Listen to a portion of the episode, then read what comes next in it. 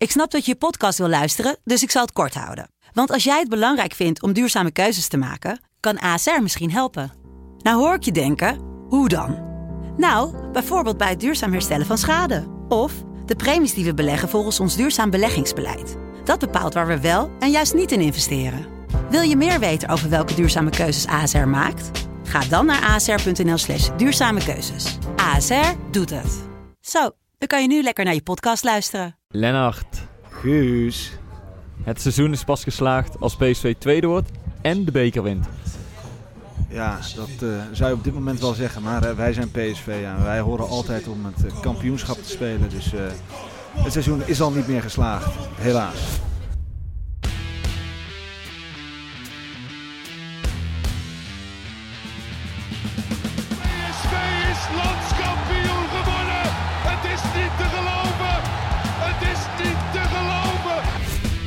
Romario, wordt dit zijn derde?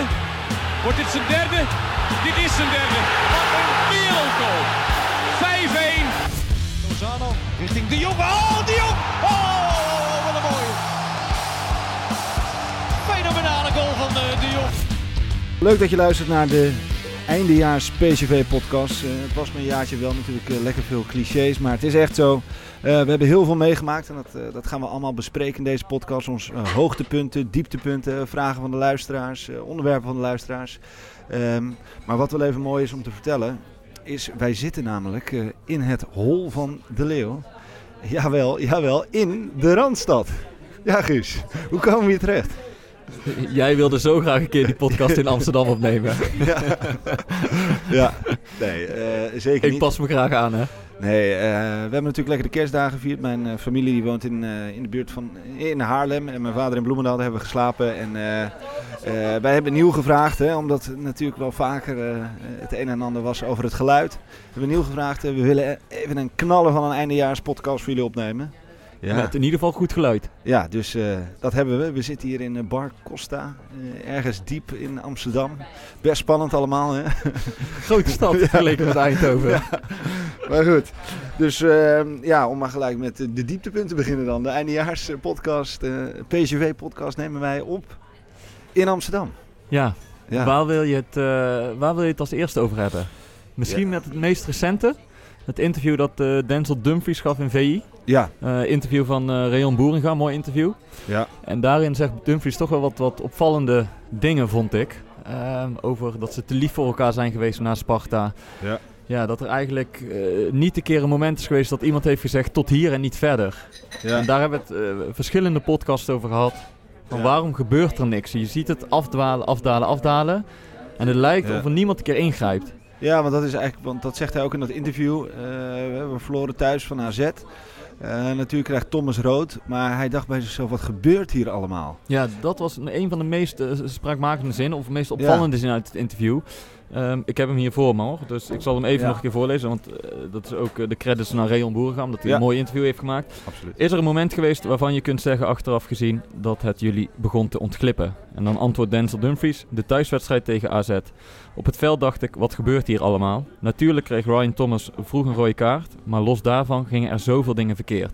En dit staat Ja. eigenlijk haaks op wat Van Bommel destijds, Ja, of altijd heeft geroepen. ja, Die zei, we speelden goed en we waren beter dan AZ, ook met, eh met 11 man. ja, Ehm, ja, je krijgt een rode kaart en dan ben je kansloos. Maar nu zegt Dumfries eigenlijk waar het op staat. Ik bedoel, je kan een keer een rode kaart krijgen, ja. maar dan Ja. hoef je nog niet zoveel domme dingen te doen of zo slecht te gaan voetballen. Dan hoef je nog steeds niet met 4-0 thuis van AZ te verliezen. Nee.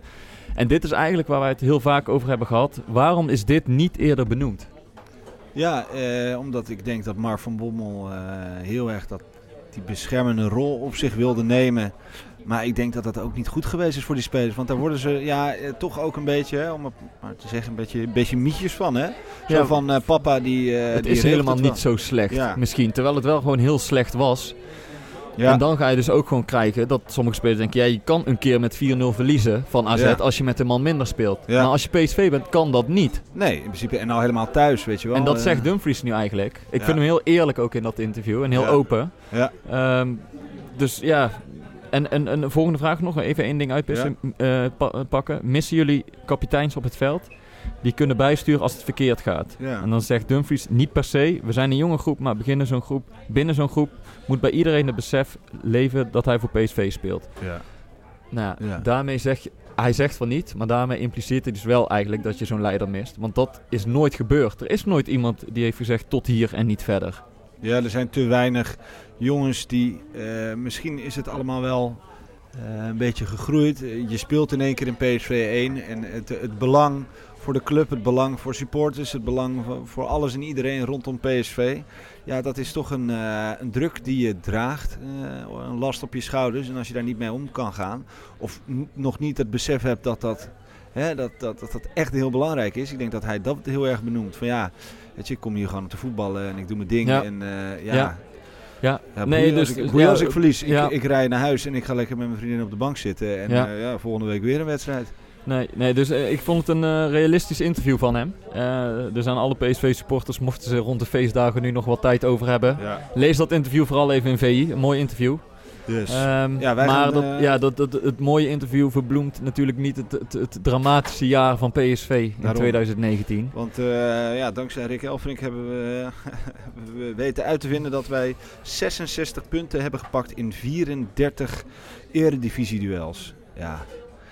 De- de- ik wist niet dat het zo slecht was, Dat is eigenlijk. een beetje Ja, een middenmotor ben je dan, hè? ja. ja, dit is echt eh, bizar weinig, 66 punten. Nou ja, jij zal dan vragen, hoe komt dat? Ja, hoe komt dat, eh, Guus? Guus. Nee, ja, dat- het is altijd best moeilijk om daar eh, zomaar de vinger op de zere plek te leggen. Maar je zag het wel al vorig seizoen minder worden, minder worden, minder worden. Ja. En dan hoop je in de zomer toch een soort omslag te creëren. Dat leek Ja. ook even het geval. Ja. Alleen toen kwam die tegenslag bij, ba bij Basel weer. En vanaf Ja. toen is het eigenlijk steeds een beetje minder geworden, weet je. Je wordt uitgezakt in Europa. In de competitie Ja. heb je nog wel een opleving, maar Ja.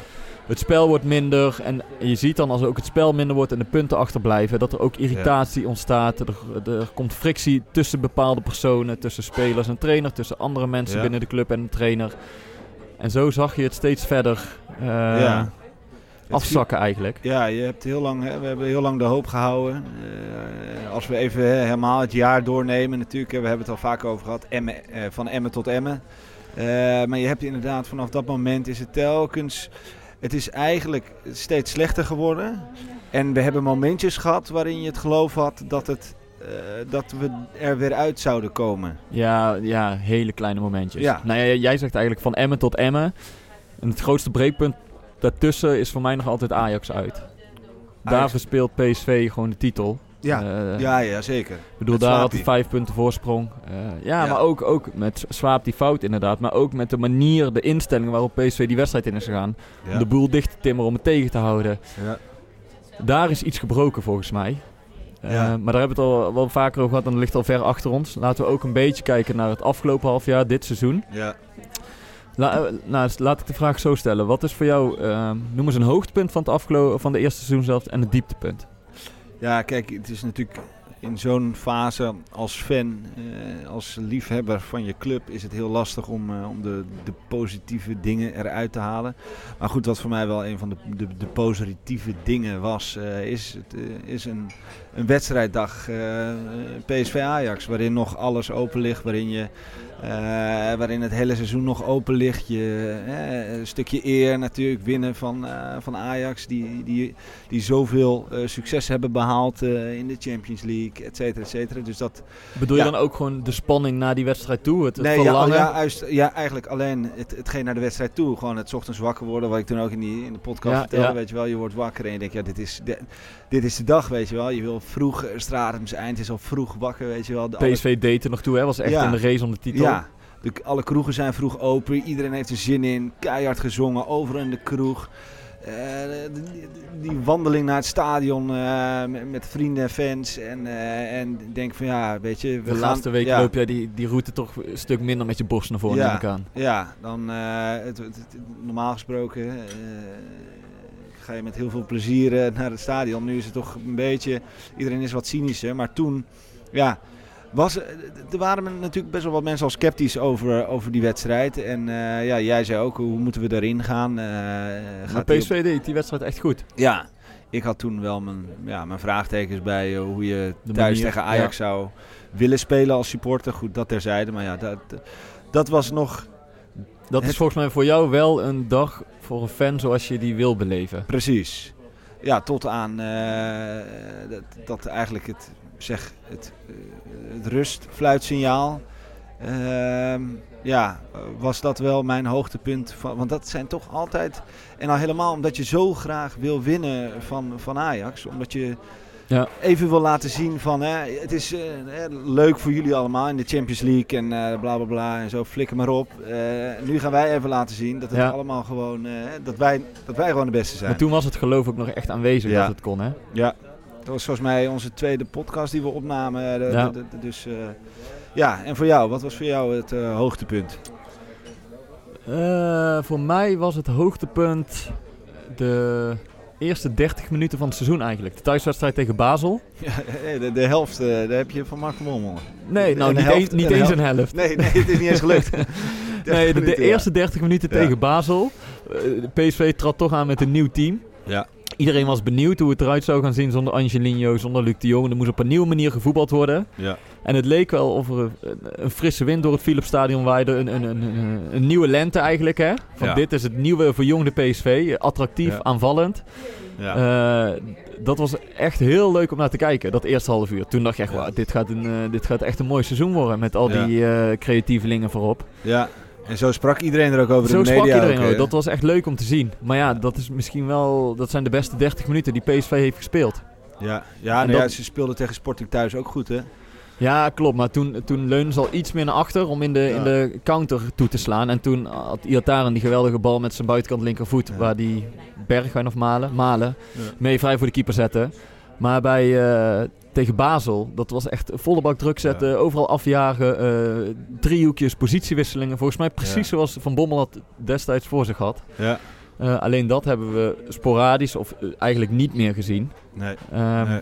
Maar als je mij vraagt van ja, wat, wat was nou het mooiste wat je van PSV hebt gezien, dan moet ik altijd aan, aan die 30 minuten denken. En ook omdat er toen onder de supporters zoiets hing van wauw, weet je wel, nieuw seizoen, Ja. nieuwe spelers, we hebben er Ja, zin dat in. was ook zo. Ja, en, en dat is met de week eh weggeëpt eigenlijk. Maar toch is het wel zo gebleven dat ik het idee heb gehad dat iedereen eigenlijk altijd eh, ergens eh, een beetje bang was dat dit zou gaan gebeuren wat er nu gebeurt. Ja, ja jij, jij staat daar tussen die fans, dus kun je eens een beetje omschrijven dan, of waaraan voelde je dat? Nou ja, eh, omdat eh, het aankoopbeleid natuurlijk eh, richting die wedstrijd tegen Basel was zo, ja, dat, dat duurde maar, dat duurde maar. En wie komt er nou en wie komt er nou? ja, en, toen speelde je nog met Lucas en dergelijke, ja, bedoel je? Ja. Ja. Dus, bij, dus de fans hadden al zoiets, ja, er moet wel iets gebeuren, weet je wel. En wanneer gebeurt het dan? Ja, nou ja, als we het met dit team halen, dan, nou, dan, dan komt het wel, hè, dan hebben we het goed gedaan. Of, ja, en dan telkens die, ja, die ups en downs. Gewoon dat je even denkt van met die vier gaan we het gewoon redden voorin. Ehm, maar goed, ook weer, eh, zodra er een afviel, uitviel of geblesseerd raakte, of weet ik veel wat. Ja, dan was Ja. het gelijk weer zo van, ja, zie je wel. Ja. Eh, vergeet dit jaar maar gewoon. Ja. Dan ehm, jouw dieptepunt, want we hebben het er voor de Ja. podcast even over gehad. Nou, hoogtepunt zei, oeh, laat me er even over nadenken. Ja, Dieptepunt had je er twee of drie of vier. Eh, Ja. Dan moest je kiezen. ja. Wat is het uiteindelijk geworden? Nou ja, dat is toch eh, Lask eh, uit. Dat was wel echt eh, pijnlijk hoe die goals eh, werden weggegeven in dat stadionnetje.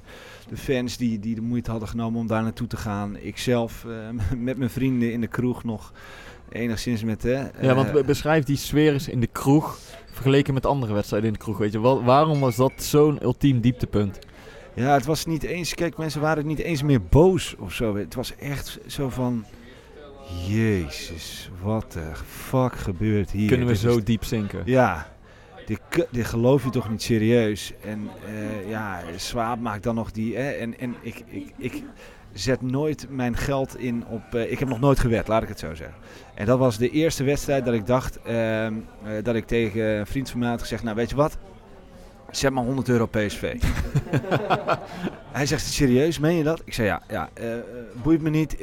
Ik, dit is gewoon voor mijn gevoel. En Tegen het- beter weten, Ja, en het gevoel, nou, zo van eigenlijk alsof dat zou helpen. Dat, ik, dat zij zouden voelen dat ik achterin sta. En dat ik daarom zeg, hier, nou, zet maar 100 euro in op PSV.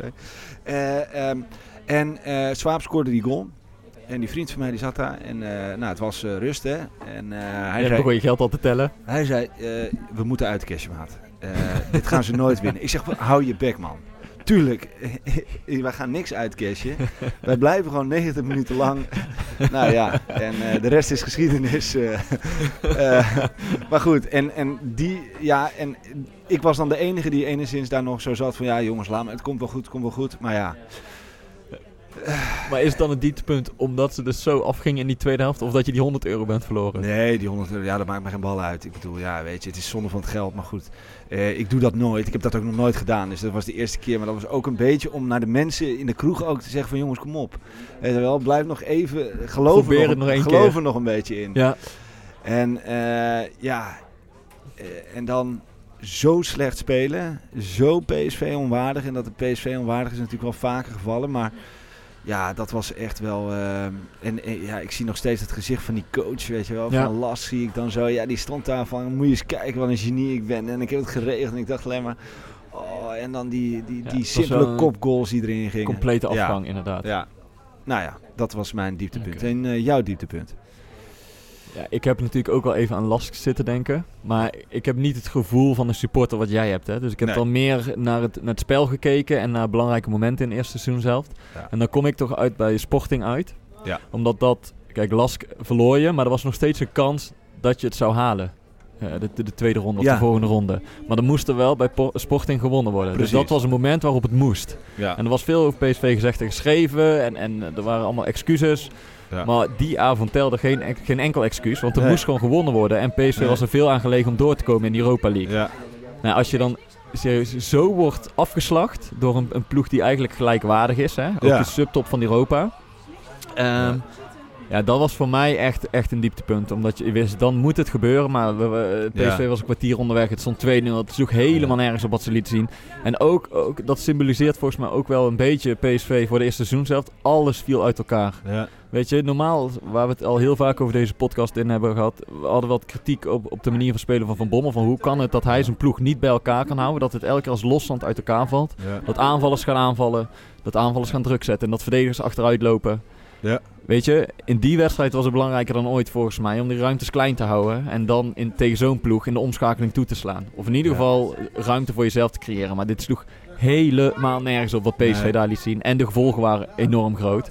Ja. En wat daar ook nog bij speelde was, nou ja, je had na de wedstrijd, ik weet niet of je dat nog weet, dat incident tussen de perschef Thijs Slegers en Bert Madering van ja, de NOS. Tuurlijk, tuurlijk weet ik dat nog, En ja. ik zeg, ik weet niet wie daar gelijk had of niet, weet je wel, want dat, daar Ja. daar is verder geen oordeel over. Maar het droeg allemaal niet bij aan het beeld van PSV Nee. naar buiten, weet je wel. Het was voor Ja. sommige supporters of zo, of, of gefrustreerde fans, eh, fans weer een, een stok om mee te slaan. Zie Ja. je wel, weet je, het klopt allemaal niet bij onze club. En, ja, eh, je voelt je gewoon als supporter dan een beetje bedrogen omdat je graag wil horen hoe het echt zit. En nou ja, krijgt- daar, weet je, je weet niet of, eh, wie er nou precies gelijk heeft of hoe, hoe het beter had gekund. Maar het, was, het, het paste wel ook in die treurige avond. Ja, En het interview wat Van Bommel daarna gaf, waar wij het de volgende dag meteen over hebben gehad. Dat hij toch wel vond dat hij heel erg eh, Luc de Jong en Angelino en Lozano miste. Ja. Terwijl die in die weken daarvoor nog nooit over hen had gehad. Want toen ging het over Bergwijn en Malen. Die waren die wedstrijd terug. ja. Toen waren ze terug en toen lag het in één keer aan Luc de Jong. Zo. Dat, was, dat was ook een, een zwaktebod van Van Bommel. Dus eigenlijk, dat alles bij elkaar maakte dat voor mij wel de meest treurige avond eh, voor PSV in de eerste seizoen zelf. Ik weet niet of jullie Er dat er horen, kwam maar... net een eh, kindercrash binnen. Maar goed, ja, eh, om daar toch nog even op aan te haken, die, die sporting. Want ook toen was, was het weer vanuit het fanperspectief. Ik ging echt, ik was zo bloednerveus weer 's ochtends voor die wedstrijd. Omdat ik toch ook zoiets had van, ja, weet je... eh, Nu moet het. Ja, we moeten wel, weet je wel. En dat was toch weer even dat, dat, eh, dat Ajax-gevoel wat je 's ochtends, wakker werd. En ik, eh, iedereen appen, weet je wel. Ik heb er zin in en ik kom naar de kroeg en dit en dat. Ja, maar die Ja. totale ineenstorting. Ja, Het is echt, Ja. ik- mag ik trouwens, dat was mijn dieptepunt.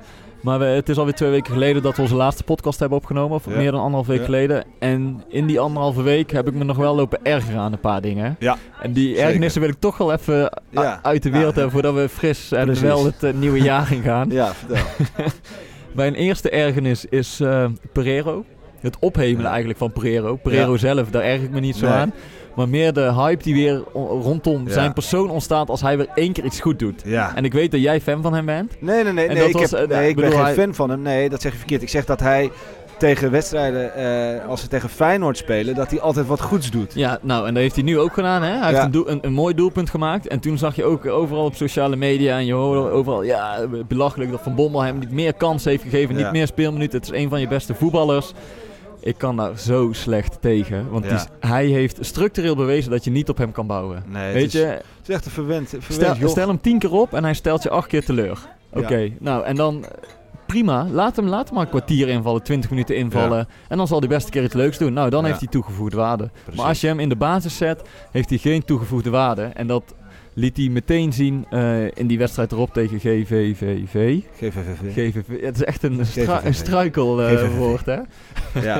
Maar toen stond hij weer in de basis. En dan denk je, Ja. nou, amateurclub, dan kan Ja. hij toch even met zijn techniek wel het verschil maken. Hij liep weer als een of andere verdwaalde toerist over dat veld. Had er helemaal niks aan. Dus dat was voor mij weer het bewijs van. Je kan niet op hem bouwen. Dus om dan meteen weer te roepen na een mooi doelpunt. Van, ja, zie je wel dat hij moet spelen. Ik ik ben is- daar niet zo van. Nee, ik ook niet. Absoluut niet.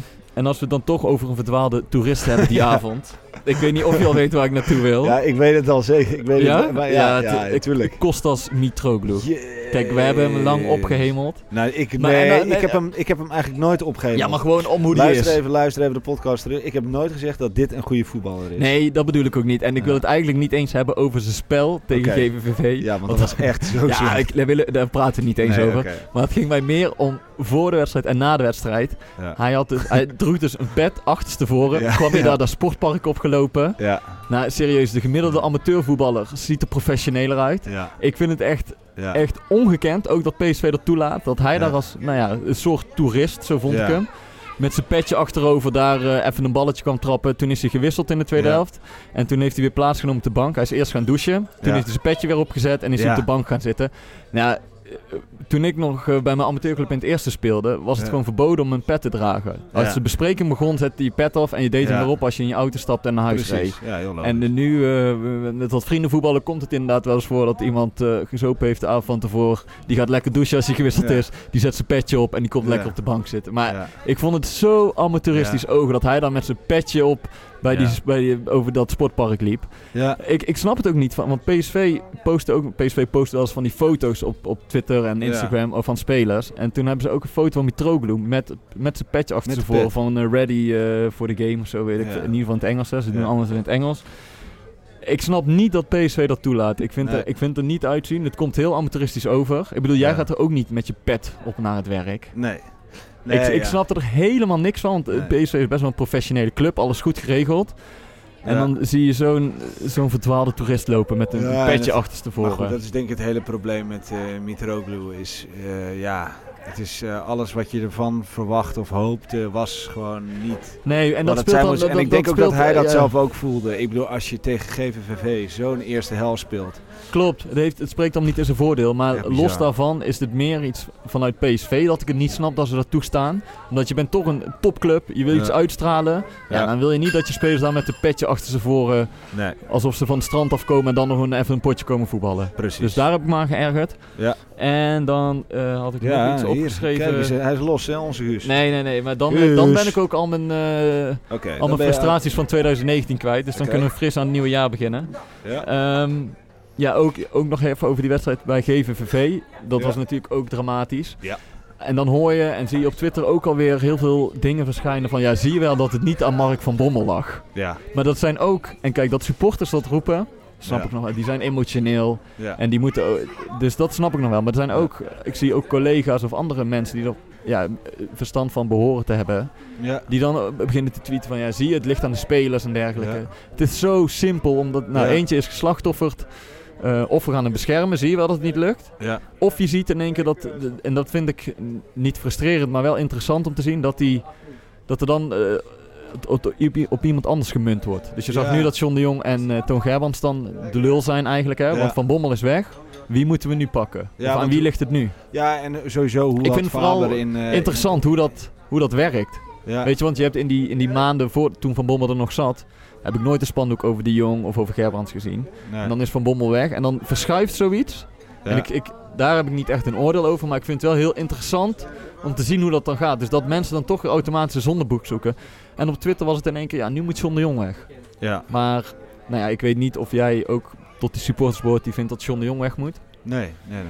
nee. Nee, oké. Nee, ik, nee, ik, want ik, denk, want ik doen. denk ook, ja, we moeten, we moeten wel heel eerlijk zijn. Het aankoopbeleid is niet goed.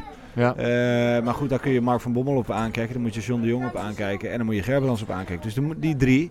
Eh, daarbij blijft wel dat, eh, dat Mark natuurlijk degene is die, die daar met die jongens op het veld staat. En John de Jong, die gaat heus niet elke dag op het trainingsveld een babbeltje staan maken met, met Kostas Nee, nee, ik ben het ermee eens dat dat is echt voor de lange termijn inderdaad John de Jong. Zo, Ja. zo heel, je kan geen beleid maken als je elke keer zegt na een paar tegenvallende weken... nou flikkeren we ook die technisch directeur of technisch Ja. manager en onze algemeen directeur eruit... en Ja. we gaan weer iets nieuws opstarten. ja, dus, Dus, wat geef dus- hem de kans en Precies. misschien... Kijk, hè, Bruma viel in tegen Peck, die scoorde. Dat, dat zegt nog niks, hè. Eén Nee. maakt nog geen zomer. Baumgartel heeft, lijkt het, zijn basisplek even terug. Dus misschien komt hij er nou toch overheen. Nou ja, als die iets meer beginnen te draaien na de, na de winterstop, dan heb je toch Ja. de twee duurste aankopen. ja. In ieder geval die dan iets meer spelen. Dus, ja, dus geef, moeten, want Malen is er natuurlijk gewoon ja, uit. dus geef ze, eh, ik, tot nu toe hebben ze helemaal niks laten zien. Hè? Vallen ze zwaar tegen, daar ben ik het volledig met je eens. Maar geef ze nog een beetje tijd. En als ze dan toch gaan presteren, ja. Kijk, stel Ja. ze gaan presteren en je gooit nou John de Jong eruit. Moet je dan over een paar maanden zeggen, ah, die John Ja. de Jong had altijd helemaal niet zo slecht gezien. Nee, weet je, dus de- je moet niet meegaan in die emotie van de sport. Die ik goed begrijp, hè, want hun club doet het slecht en zij leven voor PSV. Precies. Alleen als, als, als beleidsbepaler probeer je toch iets meer de lange termijn te bewaken. Maar goed, we moeten het natuurlijk even hebben over, over de spandoeken die jij, daar, daar doe je op, over de spandoeken tijdens eh PEC thuis. De Eh, steun voor Van Bommel. de steun voor Van Bommel. Ehm, waar dat denk ik vooral door kwam, is het feit dat het gewoon een clubicoon is en blijft. En dat het heel veel pijn doet om, eh, ehm, ja, om hem eh, eruit gebonjourd te zien worden. En op welk moment en wanneer dat dan ook zou moeten, ja, dat is... Dat, dat, dat weet niemand en dat weet eh, en gelukkig is er maar één algemeen directeur bij PSV en, en hebben we er geen eh 40.000. Ja, Uiteindelijk, ik vind ook dat, ik, ik denk heus wel dat, dat die keuze op een gegeven moment kun je niet anders. Nee, nee, en ik, ik heb ook heel lang in de podcast geroepen, ik denk niet dat Gerbrands Van Bommel snel ontslaat. Want hij heeft, eh, hij heeft toen anderhalf jaar geleden is hij een project gestart met de jongen Ja. en Van Bommel als zijn kroonprinsen. Ja. Hij wil dat niet opgeven. Hij had er denk ik ook nog wel vertrouwen in. En ik denk ook dat het- de hoofdoorzaak is dat ze gewoon zo weinig wonnen. Ja, Maar ik, heb, voor mijn gevoel is dat niet alles. Die re- relaties tussen Van Bommel en een aantal spelers, tussen Van Bommel en bijvoorbeeld de, techni- of de, de medische staf, de- daar Ja. kwam echt druk op te staan. Ja. Er zat gewoon spanning op. En dat zag je ook terug. Weet je, iedereen was, het leek of iedereen binnen PSV bang was om fouten te maken. En, en die relatie was gewoon te veel verstoord volgens mij, waardoor Gerbrands op een gegeven moment heeft gedacht, weet je, het valt, Ja. de resultaten vallen tegen. De, de, de werk, werksfeer is niet meer op, op en top. nee, Ik moet nu ingrijpen. ja, En dat heeft hij gedaan. ja. Ja, tuurlijk. Ja. Maar ik, ja, even terug naar die spandoeken inderdaad. ja. Er ontstond wel een tweespalt in het stadion. Hè? Want de Oost die zette zich echt achter Van Bommel. Die zong Ja. hem minutenlang toe. Ja, ik zat toen in de box bij energiedirect.nl, dus ik, was, ik stond niet op Oost. Dus ik heb ook niet helemaal meegekregen hoe, dat, eh, hoe het precies gegaan is. Goed, ik wist wel dat, eh, dat er iets zou komen en wat dat zou zijn. Ja, dat was natuurlijk bij eh, GVV al een beetje. Ja. eh, wilden ze al wat laten horen. En het is ook wel een stukje emotie. Het is, eh, het is een stukje het fan zijn gewoon. Hè? De diehards, de, de, de hooligans die... Of althans hooligans, hoe ze, dat is misschien het juiste woord. maar- Fanatieke. ja, de fanatieke aanhang die, zich, die iets wil laten horen van luister even. Dit is onze mening en ongeacht, ja, ik, ik, ja het, het was niet verstandig. Ze hebben zich niet heel populair gemaakt Nee. bij, eh, bij eh, het gros van de PSV-supporters. Laten we dan eh, even de meevaller en de tegenvaller van afseizoen- afgelopen seizoens Nou, eh, eh, helft bespreken. Welke, welke speler is jou het meeste meegevallen? En welke speler ja, is jou echt vies tegengevallen?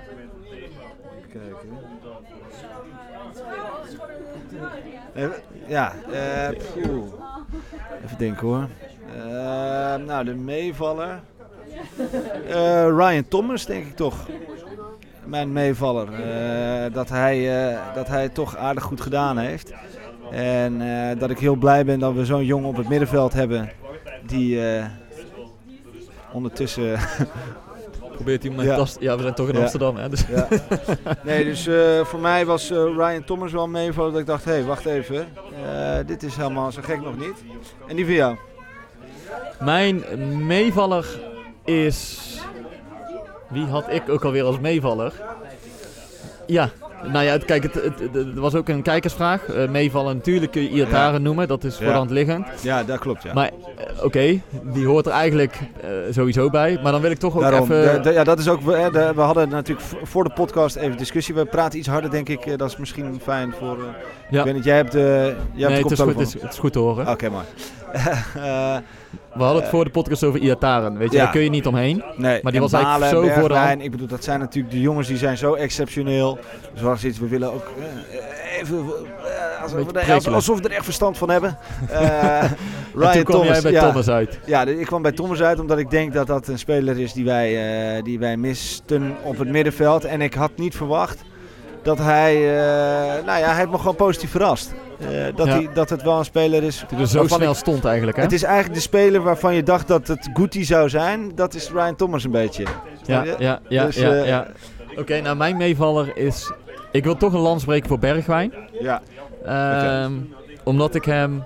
Kijk, hij, is, hij, is, hij heeft volgens mij op elke positie in de voorhoede gespeeld. Van Bommel begon op 10. Hij heeft Ja. een keer in de spits gespeeld, vanaf Ja. rechts, vanaf links. Ja. En hij heeft altijd zelf gezegd, het liefst speel ik vanaf links. Maar weet je, als ik op 10, Ja. als dat het beste is voor het team, doe ik dat. Ja. En hij heeft eigenlijk op elke wedstrijd eh, heeft hij wel zijn stempel gedrukt. Het maakt niet uit op welke positie hij speelde.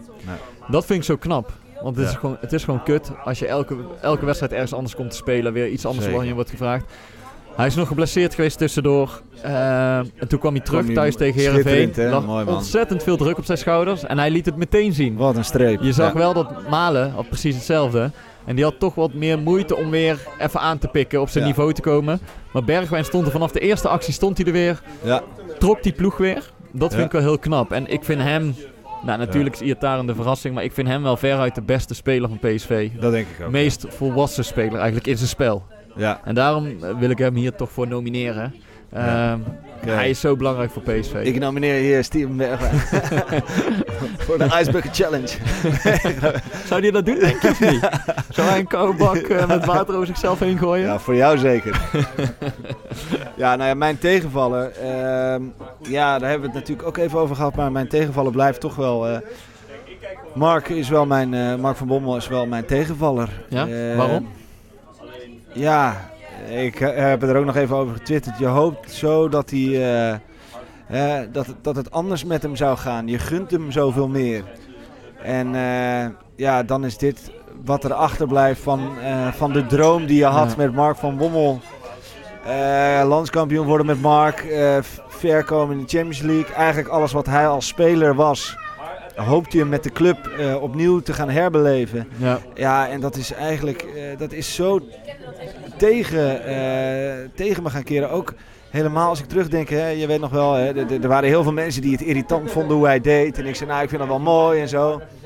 En toen ook in de podcast merkte ik bij mezelf ook wel dat ik moest toegeven dat het een beetje vervelend werd allemaal Ja. wat hij deed.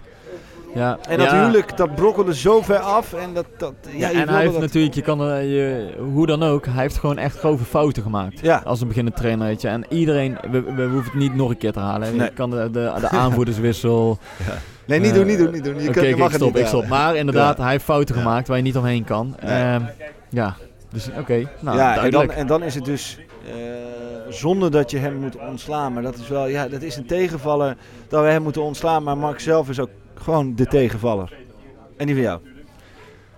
Ja, ik heb zitten twijfelen tussen een aantal eh, nieuwelingen, waar je dan toch veel van verwacht. Ja. Maar ik wil toch Guti nomineren, Ja. omdat die er al was. Ja. Eh, heeft toch een jaartje moeten wennen misschien, weet je. Komt uit Mexico. Precies. Maar dit jaar moest hij er staan. En hij kreeg de kans. En hij heeft de kans gehad.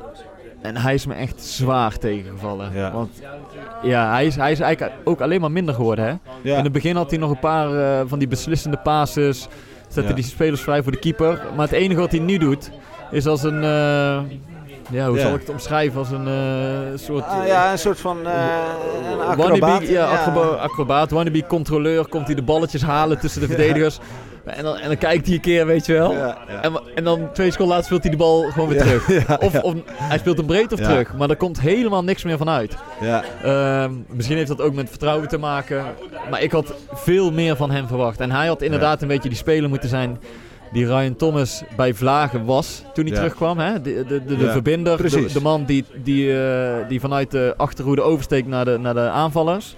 Precies. Nou ja, en dat heeft Guti echt geen één wedstrijd waar kunnen maken. Ja. Dus vandaar mijn, eh, mijn tegenvaller is Guti. Nou ja, eh, hopelijk eh, doet hij in een nieuwe jaar gewoon lekker wat aan zijn kapsel en is hij daar wat minder mee bezig. Dat mogen we niet zeggen, maar toch, het, zou, het zou zo mooi zijn als hij nog doorbreekt. Want ik heb ook op Twitter wel eens voorbij zien komen dat iemand zei, kijk eens even naar deze goals en deze momenten van, van Guti in Mexico. Eh, die gast kan echt wel voetballen, dus eh, dat geloven we ook nog steeds. Dus jongen, alsjeblieft, Guti als je dit hoort, por favor, kom, come Dus back strong in zeg nou eens in, 2020. je- in je beste Spaans. Por favor. Natuurlijk zo direct vooruitblikken, maar eerst wil ik jullie even wijzen op de andere podcast van FC Afkikken. Check de FC Afkikken podcast op maandag, woensdag en vrijdag voor je dagelijkse update over al het voetbalnieuws. En ook eh, voor de Italiaanse voetbalfans kun je luisteren naar de Lo Stadio podcast. Nu snel door met PSV. Rick, kom er maar in. Hij is alweer weg. Tony Lato, de linksback van PSV die maar één wedstrijdminuut in actie kwam. We zagen hem allemaal komen in juli bij het trainingskamp in Verbier. Ja, toen was er het nodig om te doen om Tony Lato. PSV had hem in één week en gekocht en gehuurd. Nou ja, het heeft allemaal een hoop voeten in aarde gehad. Voor 5 miljoen euro kwam hij eh, naar PSV in eerste instantie. Nou, dat contract werd weer ontbonden. Omdat Valencia het niet wilde. Eh, die verlengde op hun beurt weer zijn persoonlijke contract in Spanje. En uiteindelijk kon PSV met seizoen huren. Nou ja, wat er daarna allemaal is gebeurd. Ja, Lato speelde één keer tegen Wolfsburg. Eh, ja, en toen leek het net of er inderdaad 220 volt op zijn voeten stond. Ehm, daarna kreeg hij een blessure. En ja, eigenlijk is het nooit meer echt wat geworden met eh, Tony Lato. Ja, toch een heel teleurstellende ervaring voor hem. Ehm, ja, hij verweet het ook wel trainer Mark van Bommel. Ehm, ja, Lato overlegde volgens hem behoorlijke data. En toch wilde Van Bommel er niet aan om hem op te stellen.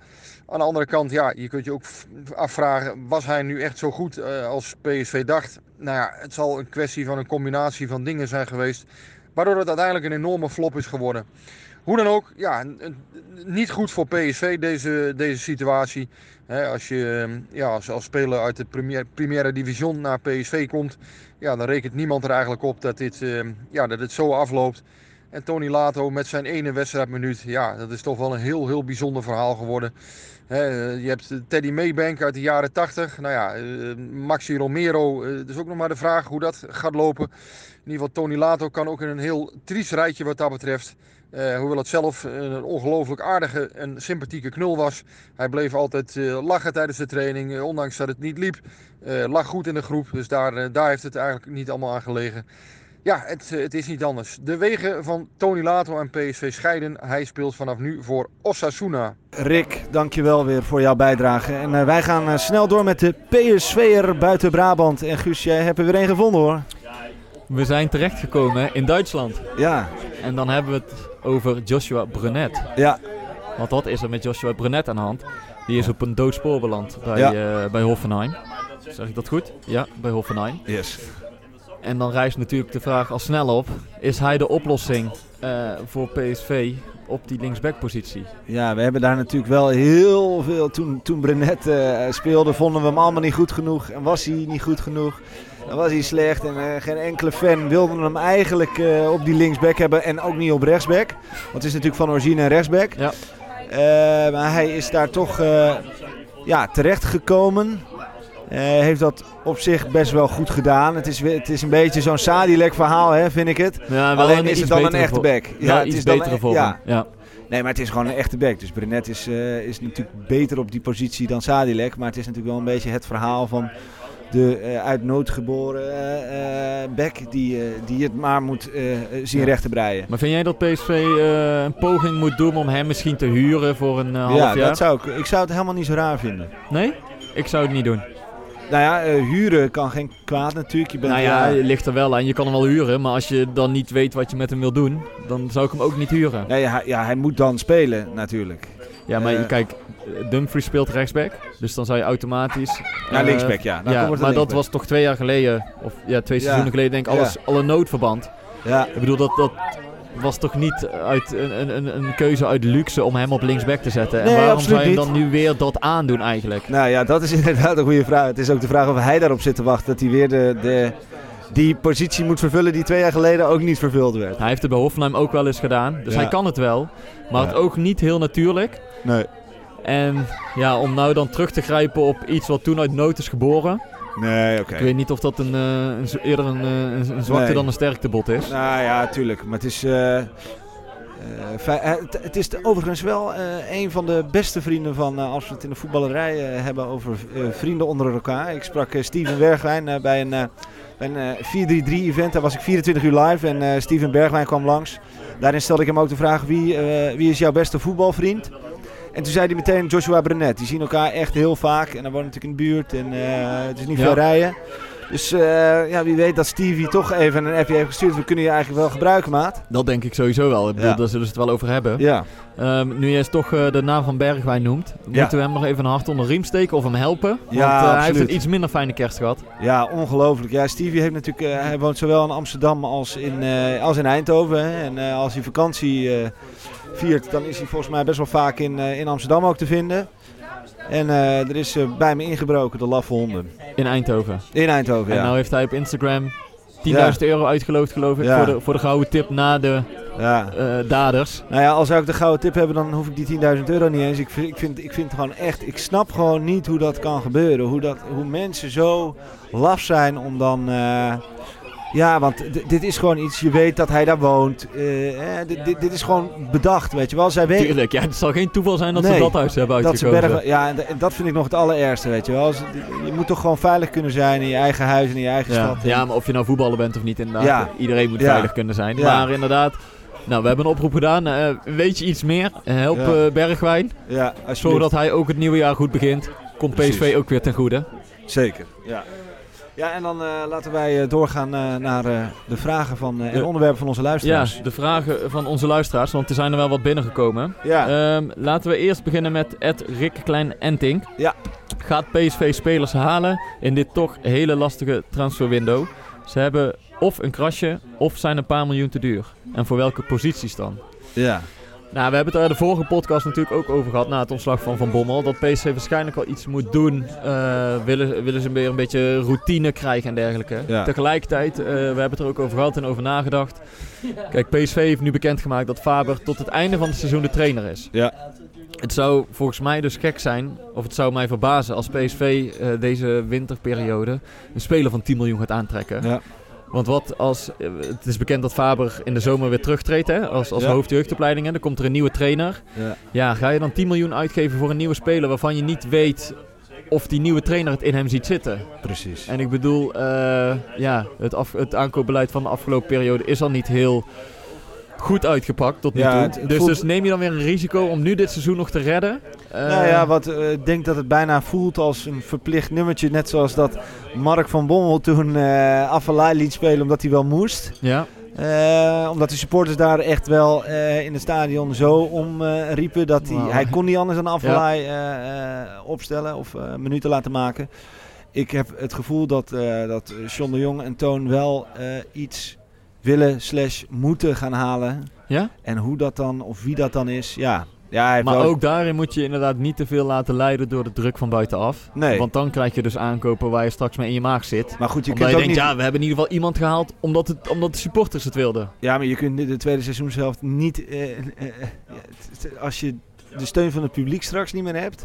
Ja, dan ben je echt... eh, dan weet ik niet eens hoe ze het seizoen af kunnen maken. Dan Nee, maar misschien net zo goed... eh, Nog een flater op de transfermarkt kun je ook niet veroorloven. nee. Want dan wordt, dan wordt het bijna eh, lachwekkend of zo, ja, zeg maar. misschien toch even Marcel bellen. Marcel Brands. eh, want die haalt eh, ook gewoon even Ancelotti naar Everton. Dus die weet, wel, eh, die weet nog wel hoe het moet. En ik denk dat die lijntjes tussen Marcel Brands en Ja. eh John de Jong nog best kort zijn.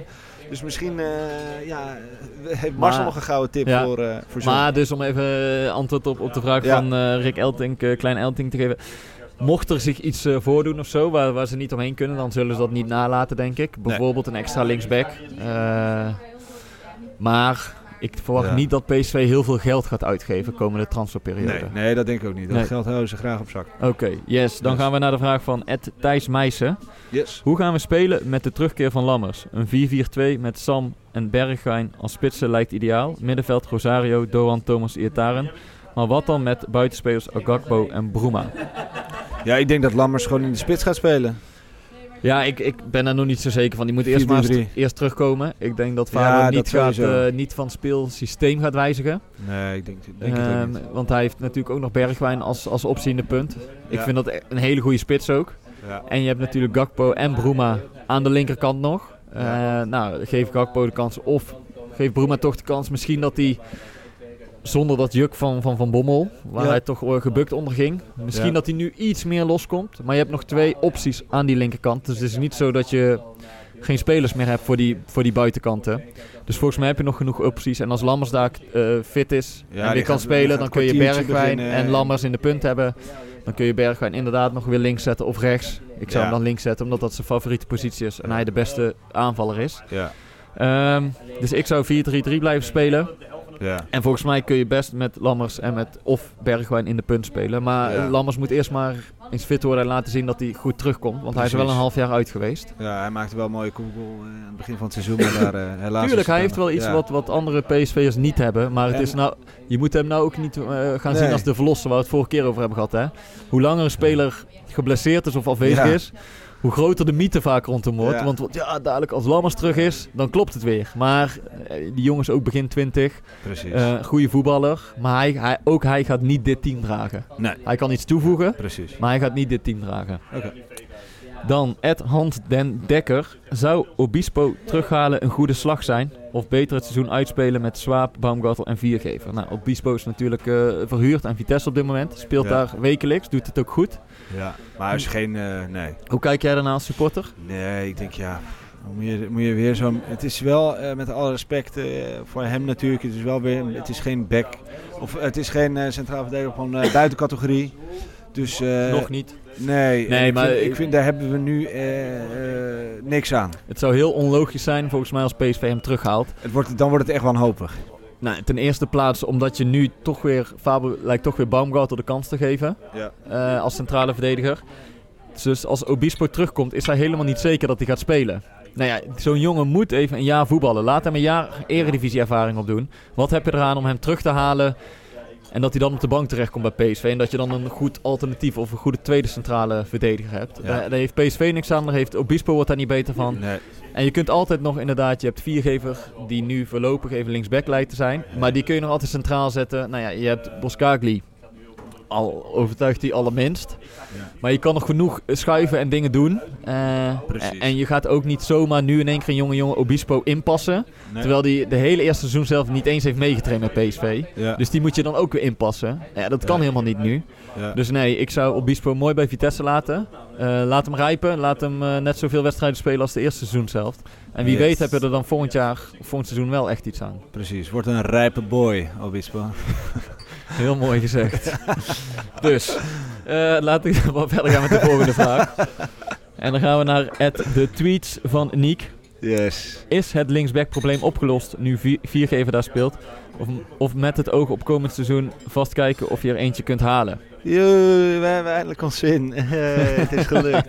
Viergever op links. Wat Faber heeft wel de podcast geluisterd. Ja, ja, dankjewel Faber. Ook als je nu weer luistert, dankjewel.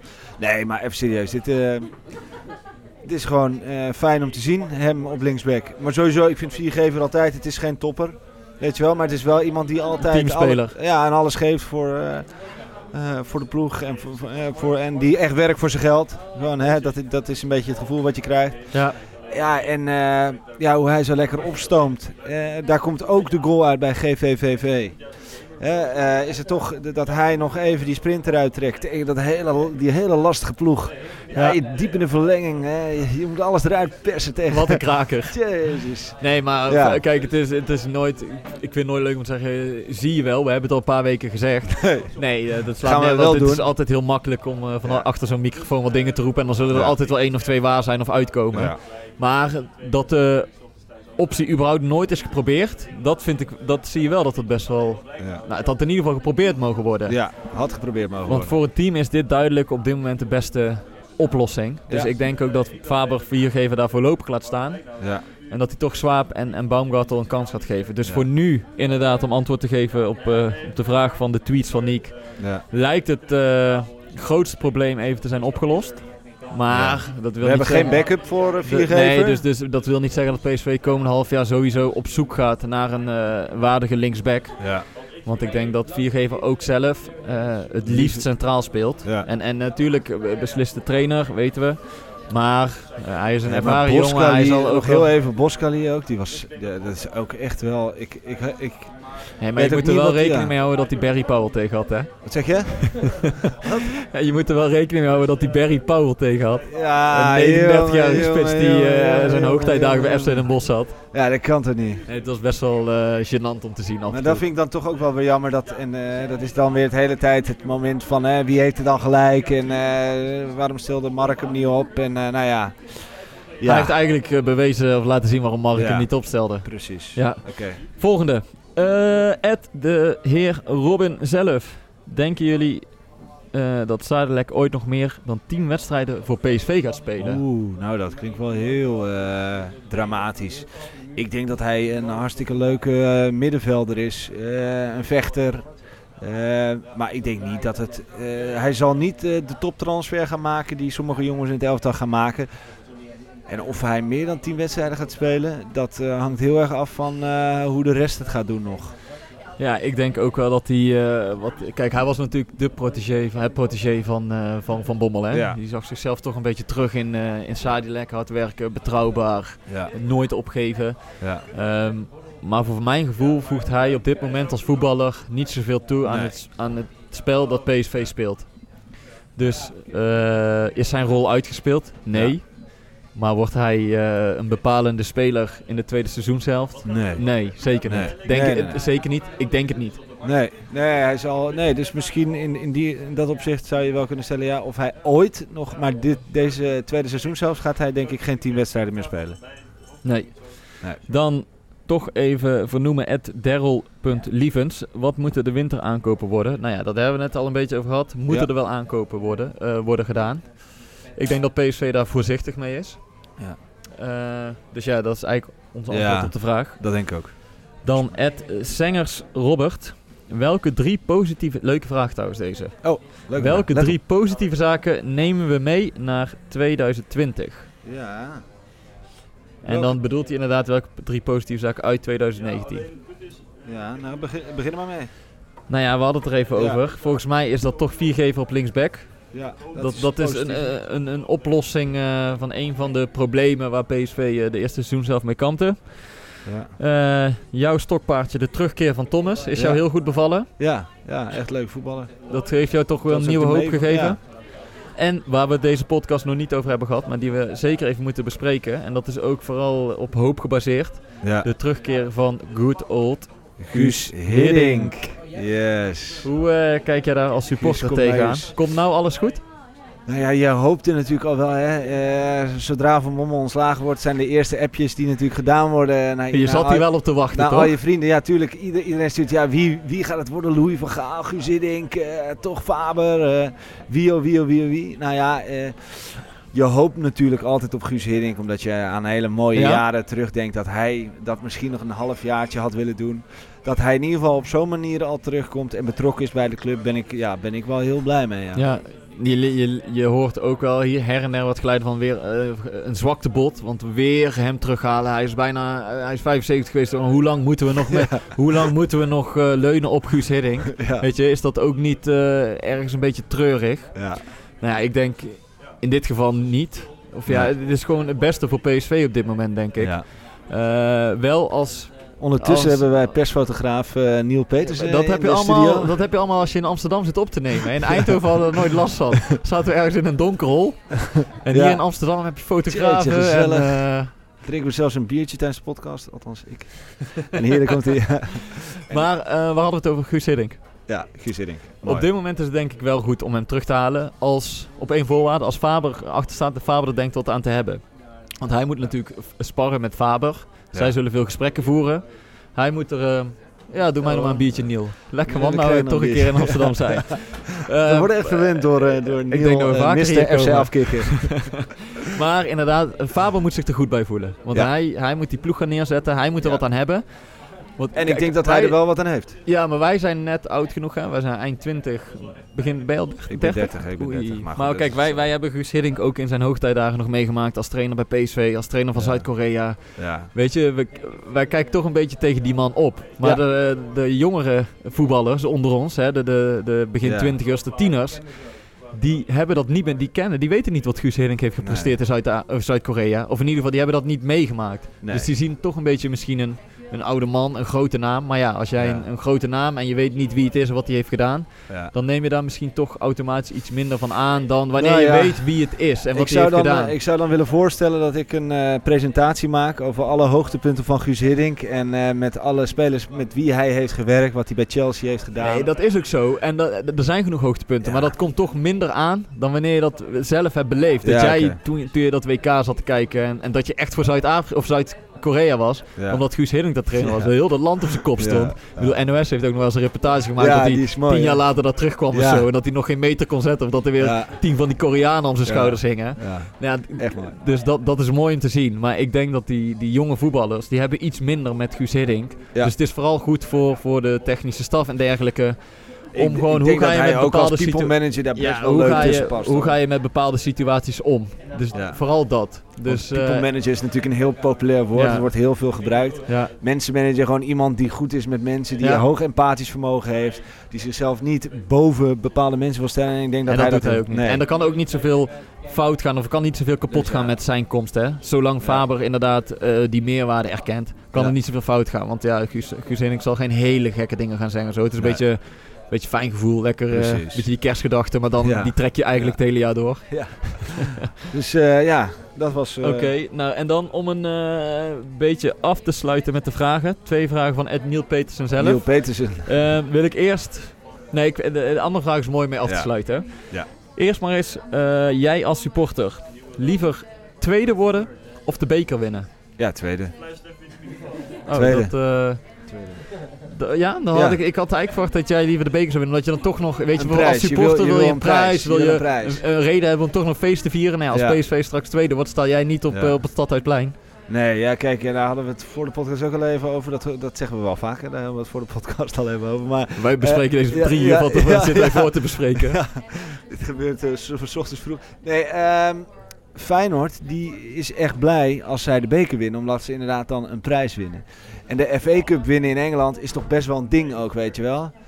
Eh, de DFB-bokaal, dat is toch ook echt wel een prijs.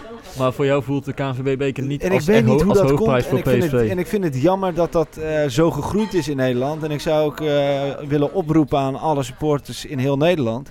Dat we de KNVB-beker toch iets als een belangrijker en als een mooie prijs gaan zien. Want dat is het gevoel, daarom wil je hem... Hè, tuurlijk, je wil hem winnen. Eh, maar goed, eh, ehm, je wil gewoon Champions League spelen met je club. En dat is absoluut belangrijker dan de beker. Op Dus, lange eh, termijn is het beter inderdaad, denk ik, voor Precies. PSV om, Ja. om tweede te worden. Want dan Ja. maak je kans om weer voorronde Champions League te gaan spelen. Of dan ga je voorronde Ja, Champions League daarom. spelen.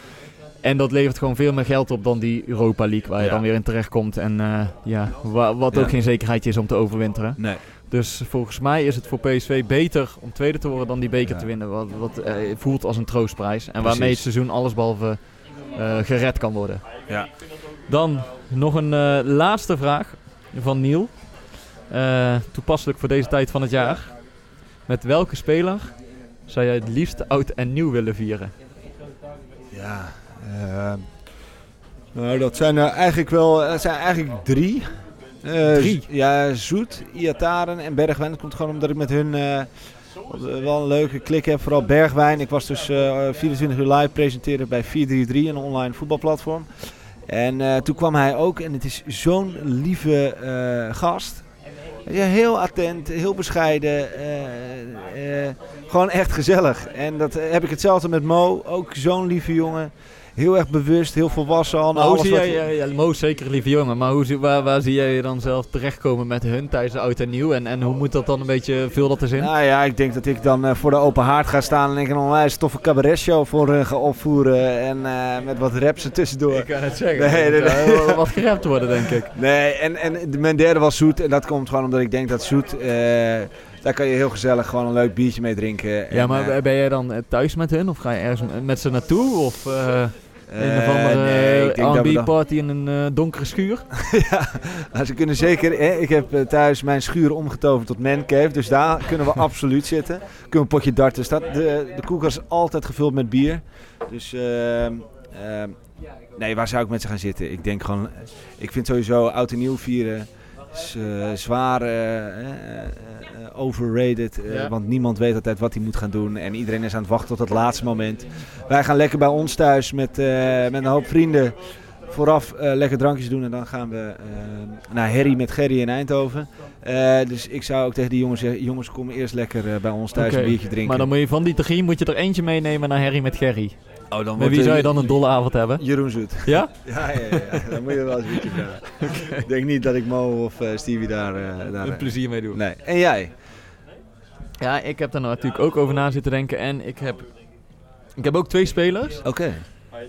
Viergever kwam als eerste helemaal op. Omdat... ehm, ik, ik Dat jullie allebei een eh, beetje de ideale foute- schoonzoon? Nee, jullie zijn allebei de nee. ideale schoonzoon? Ik hou wel een beetje van die foute Nederlandstalige muziek. Oké. Eh, En ik denk dat ik Bergwijn of Iataren, die doe ik daar geen plezier mee. Nee. Die willen toch inderdaad meer naar die R&B. Nou, daar komt En de volgende, mij, kun je, volgens mij kun je met viergever best naar zo'n eh, Ho- Hollandse party.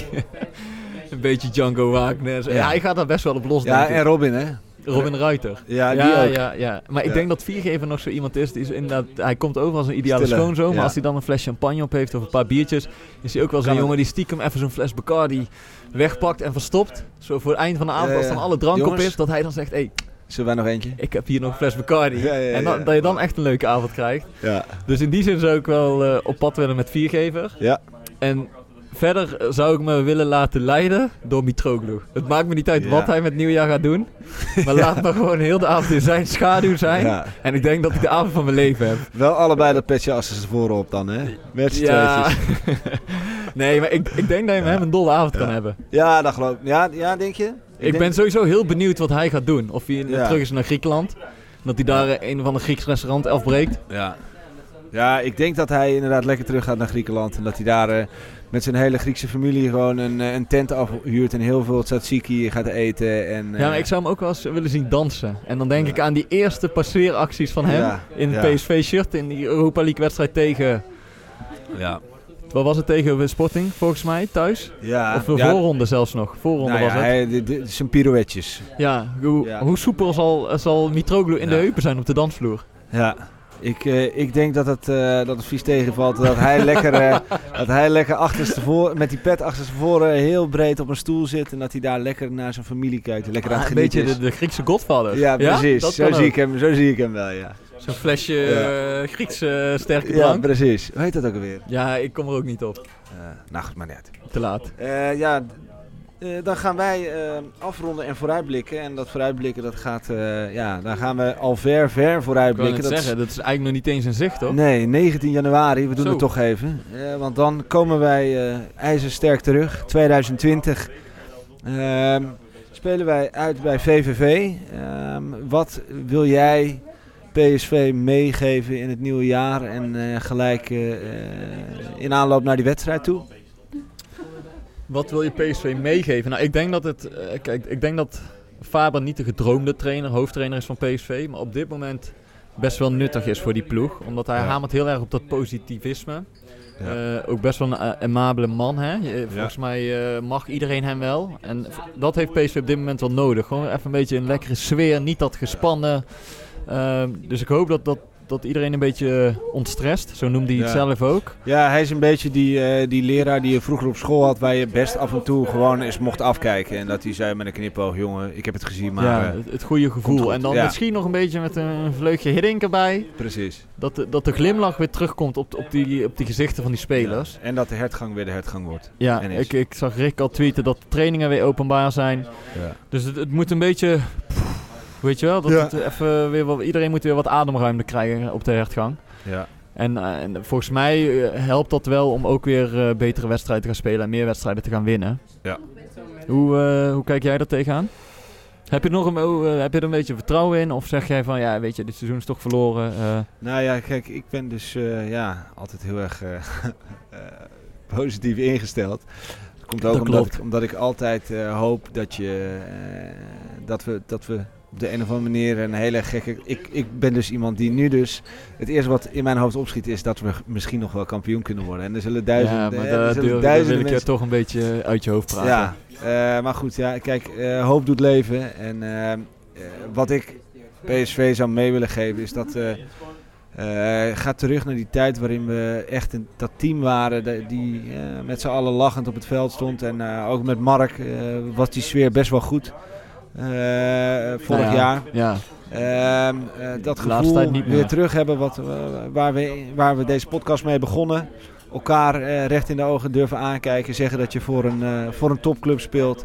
Waar heel veel van je verwacht wordt. En eh, dat je alles geeft tot, eh, vanaf, de, vanaf de eerste stap op het veld tot aan, eh, totdat je weer die catacombe terug eh, inloopt. Eh, geef alles voor de club en dan, eh, dan kun je in het jaar wellicht nog eh, wat glans geven. Dan zijn we er wel, denk ik, hè, met dit, deze mooie laatste woorden van jou. Als dit geen Yes. hoop geeft aan elke PSV-supporter, dan weet ik het ook niet meer. Ja. Nou ja, en wij wensen natuurlijk eh, alle luisteraars eh, een hele fijne jaarwisseling. Ja, veel plezier Wat ook ga, jij, bij- wat ga jij eigenlijk doen? Wat Wij, nu al gezegd? eh, wij gaan met vrienden eerst uit eten in een restaurant in een bos. En als het goed is, gaat dan de muziek steeds harder. Oké. En dan zien we wel hoe lang we blijven. Oké. Hoe heet, eh, hoe heet eh, het eh, restaurant? Zoete Lief, Korte Putstraat. Jongens, jullie weten het. Zitten lief, korte wedstrijd. dit, was, eh, dit was hem dan, onze eindejaars PCV podcast. En eh, wij zijn er in het nieuwe jaar natuurlijk weer. Houdoe en bedankt.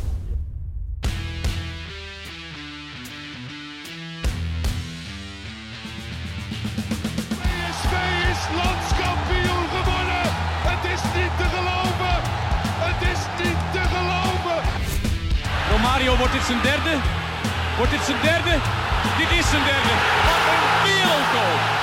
5-1. Lozano richting De Jong. Oh,